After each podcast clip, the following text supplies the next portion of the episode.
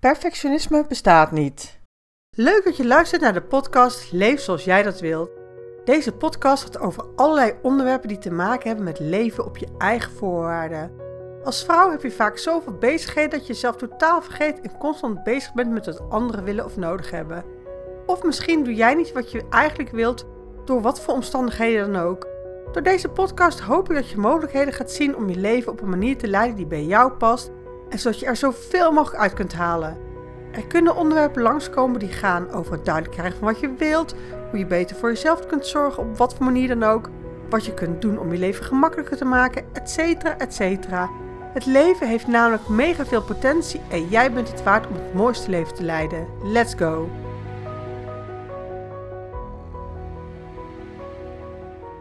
Hi hi, dit is aflevering 5 in de serie over zelfvertrouwen en in deze aflevering ga ik het hebben over perfectionisme.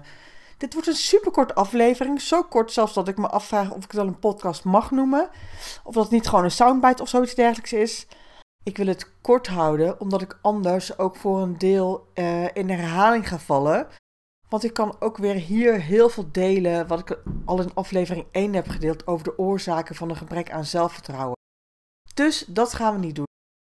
Maar ik wil wel een aparte aflevering aan perfectionisme besteden, omdat ik dit te veel als excuus hoor.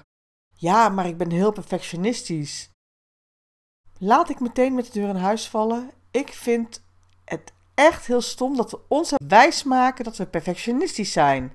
Dat we alles perfect willen doen, want het is natuurlijk helemaal niet zo. Maar luister, um, iemand die zegt perfectionistisch te zijn, is vooral bang om beoordeeld te worden.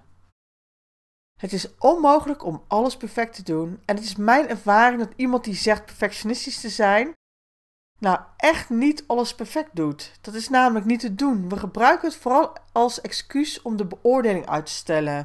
We hebben er helemaal geen zin in om alles perfect te doen, want het is toch hartstikke saai. En daar hebben we ook geen tijd voor, want we liggen al helemaal in die spagaat, omdat we en werken en het huishouden doen. We houden ons het meest bezig met kinderen. Nou, dan hebben we ook nog familie en vriendinnen. En zo kan ik ook nog wel 80 andere dingen opnoemen die we allemaal op ons lijstje hebben staan. Sporten bijvoorbeeld. Nou, et cetera. Wat is perfectionisme dan wel? Dat is iets waar we ons lekker achter kunnen verschuilen. Hier nog wat schaven, daar nog wat schaven. Want zolang ik, er maar mee zolang ik maar mee bezig ben, dan ben ik nog niet klaar. En hoef ik er niet mee naar buiten te treden. Ik weet nog heel goed dat ik, uh, ik was een jaar of twintig. En ik zat nog op de Dat is echt heel lang geleden, maar het voorbeeld past hier wel bij. En ik moest een werkstuk voor Frans gaan maken. En dat was in de tijd dat nog niet iedereen een computer had. Op school werkte ik er al wel mee, maar nog met van die floppy disks. Wie kent die überhaupt nog? En dan waren het ook van die, niet die harde nog, want die had je ook van die vierkanten. Maar het waren, ja, deze waren trouwens volgens mij ook vierkant. Maar dan van die grote, van die hele slappe, die zo op en neer gingen als je ermee wapperde. Ehm maar goed, terug naar het verhaal. Onze buren hadden wel een computer. En ik mocht dan ook bij hun op zolder aan mijn werkstuk werken. En ik heb daar heel veel tijd aan besteed. Ik zat lekker te typen in WordPress dat we toen nog hadden. En ik bleef maar doorgaan. Maar op een gegeven moment kwamen de buren zeggen dat ze toch wel echt naar bed wilden. En volgens mij was dat niet één keer, maar heb ik er misschien wel zelfs een paar avonden aan zitten werken. En ondanks dat ik er wel heel veel tijd aan besteedde, kreeg ik ook geen fantastisch cijfer. En ik weet niet eens meer precies wat het was, maar ik vond het echt veel te laag voor alle tijd die ik erin had gestoken om maar te blijven verbeteren en te verbeteren. Op zich is dat ook niet zo heel gek, want ik vond Frans als vak dus gewoon ook echt niet leuk. We spraken in de klas constant Nederlands over Franse zakelijke voorwerpen. Nou, hoe saai is dat? Dus ik leerde het niet zo goed als dat ik had, eigenlijk had gewild. Want uh, nu heb ik een schoonzus die in Frankrijk woont. Is hartstikke handig als je wel goed Frans kan praten. Maar ik had er dus totaal geen beleving bij. Maar goed, dat, dat is weer een heel ander verhaal. Dan nog een voorbeeld. Um, vorig jaar bleef ik maar sleutelen aan een nieuwe online cursus en ik kon maar niet stoppen. Ik ging me steeds verder in het onderwerp verdiepen, terwijl niemand daarop zit te wachten. Het is, het is natuurlijk altijd goed om meer te weten dan je klanten en dat moet je ook echt wel. Maar je moet niet doorgaan met slimmer worden in een onderwerp om maar uit te stellen om je cursus te gaan verkopen omdat je bang bent dat het niet goed wordt gevonden door je klant of wat dan ook. Dus je bent bang dat, hè, dat, dat je klant het niet goed vindt en je gaat maar door met het ontwikkelen van je cursus. Wat er dan nog op een gegeven moment te ontwikkelen valt. Wat je dan beter kan doen is natuurlijk gewoon de cursus geven. Bijvoorbeeld als een pilot en dan onderweg aan de knoppen draaien voor verbetering. En dan het bijschaven, dat werkt ook echt helemaal niet. Want datgene wat we zo lekker aan het bijschaven zijn, wordt er op een gegeven moment echt niet meer beter van. In het begin misschien wel. Want het is natuurlijk altijd goed om je werk even weg te leggen en het dan te verbeteren. Maar als je maar door blijft gaan, dan wordt het op een gegeven moment zo gekunsteld.